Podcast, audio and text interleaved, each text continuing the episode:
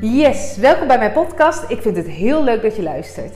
Mijn naam is Sanne Haverkort en ik geef je graag tips en inspiratie hoe jij de leukste klanten aantrekt door te gaan ondernemen en ook te leven op jouw eigen manier.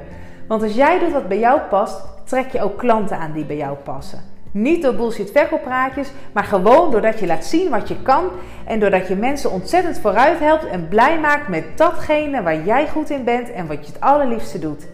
Ik heb er heel veel zin in. Veel luisterplezier. Hoi hoi, Sanne hier met tips en inspiratie voor hoe jij jouw agenda lekker vol klanten krijgt. Maar misschien heb jij wel net al je klanten af moeten zeggen. Net als ik zelf overigens met mijn wenkbrauwstudio. Omdat je door de lockdown niet aan het werk mag. En misschien kan je gewoon doorwerken omdat je bijvoorbeeld ehm, ja, online aan de slag kan. Wat natuurlijk super zou zijn. Maar of je nou wel of niet aan het werk bent, ik denk dat iedereen wel te maken heeft uh, op zijn eigen manier met de gevolgen van de nieuwe maatregelen en de lockdown. Uh, en dat voor ons allemaal het nu anders is dan anders. En daarbij zal je er tegenaan lopen dat er dingen zijn die je ontzettend mist. En dat is waar uh, mijn podcast vandaag over gaat. Ik wil je heel graag inspireren wat je nou kan leren van de dingen die jij op dit moment mist. Uh, in mijn podcast van eergisteren en, en gisteren ook heb ik je uitgenodigd om op een rij te gaan zetten van oké, we zitten nu in een lockdownperiode en dat, dat, dat is gewoon enorm vervelend. Maar kijk nou eens naar de dingen wat je allemaal wel kan. Schrijf het voor jezelf op. Maak daar een overzicht in, zodat je ook echt met die dingen aan de slag kan gaan. Dus dat was gewoon heel praktisch en heel uh, nou, een beetje opbeurend ook wel. Hè? Kijken naar wat je wel kan, dat geeft vaak positieve energie. Maar vandaag wil ik je uitnodigen om eens voor jezelf op een rij te gaan zetten van... maar wat mis ik nou ontzettend? Wat, wat kan ik normaal gesproken wel en wat is er nu niet? Bijvoorbeeld dat je kinderen lekker naar school kunnen.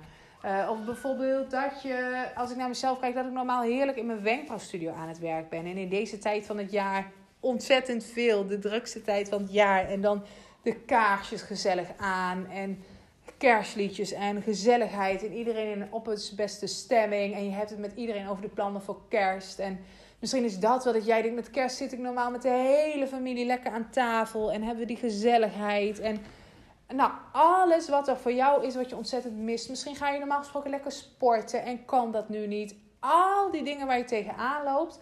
Ga echt eventjes uh, een moment nemen voor jezelf om daar even voor te gaan zitten.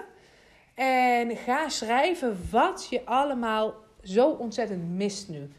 En um, ja, het klinkt misschien als een beetje een rare opdracht, want je wordt hier misschien ook wel verdrietig van op het moment dat je dat opschrijft. Maar dat is niet per se erg, want ook dat um, dingen missen en, en het verdriet uh, daarvan voelen, dat is ook iets wat er mag zijn. Hè? Ik vind zelf ook, uh, ik ben iemand die wel snel ook weer um, de positieve kant van iets kan bekijken. Maar ik, ja, ik, ik ben ook zeker vaak wel uh, verdrietig. Um, en ja, ik denk ook juist doordat ik dat verdriet er ook echt eventjes laat zijn, um, kan je daarna ook weer denken van oké, en nu gaan we weer kijken naar wat is het positieve ervan of wat kan ik wel.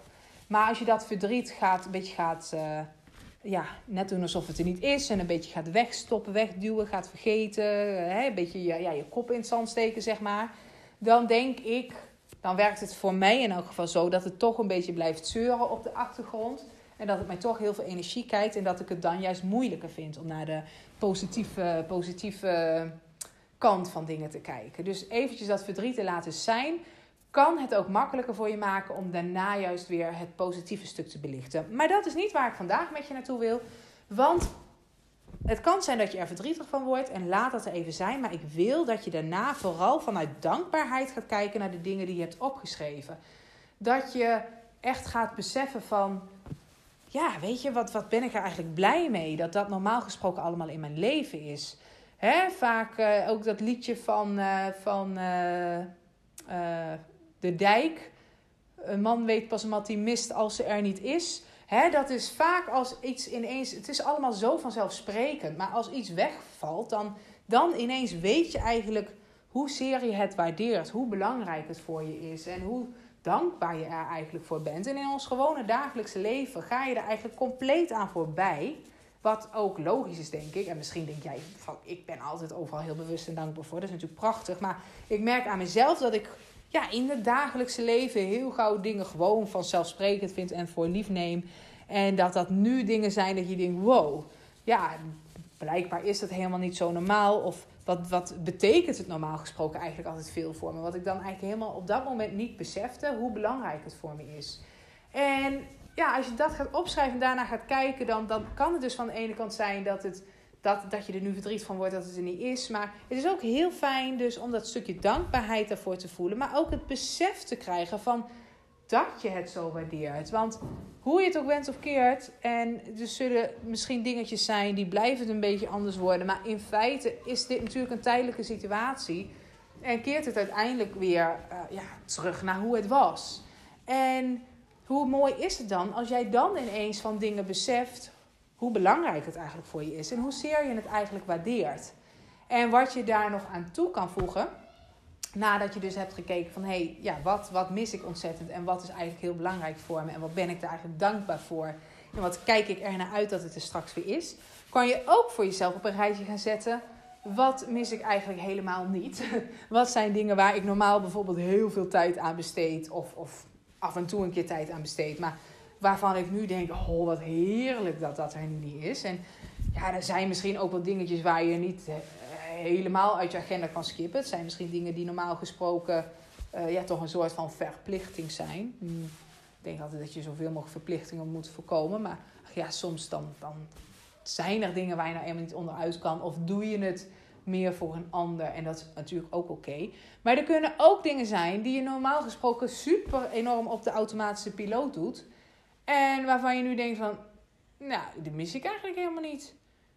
Uh, ja, waar, dan kan je dat ook straks denken van... hé, maar ik ga dat straks anders doen. En dat kan van alles zijn. Hè? Dat kan uh, uh, ja, zijn op, op het gebied van, uh, van sporten bijvoorbeeld. Stel dat jij nou, normaal gesproken drie verschillende sporten doet en daar eigenlijk heel druk mee bent en dan eigenlijk zelf altijd het gevoel hebt dat je te weinig tijd hebt. Maar dat nu blijkt dat er twee sporten zijn waarvan je denkt, oh, en wat jammer dat ik dat nu niet en je mist het en, en je mist de mensen met wie je sport of de sport zelf. Of, maar dat die één, één sport, dat je denkt van, nou, dat vind ik eigenlijk wel lekker dat ik daar nu niet heen. Of ik krijg daar eigenlijk helemaal niet, het is, het is echt altijd zo'n moedje en ik vind het helemaal niet leuk. Nou, dan is het misschien wel een idee om straks extra blij en dankbaar te zijn voor die twee sporten die je nu ontzettend mist. Maar met die derde lekker te stoppen.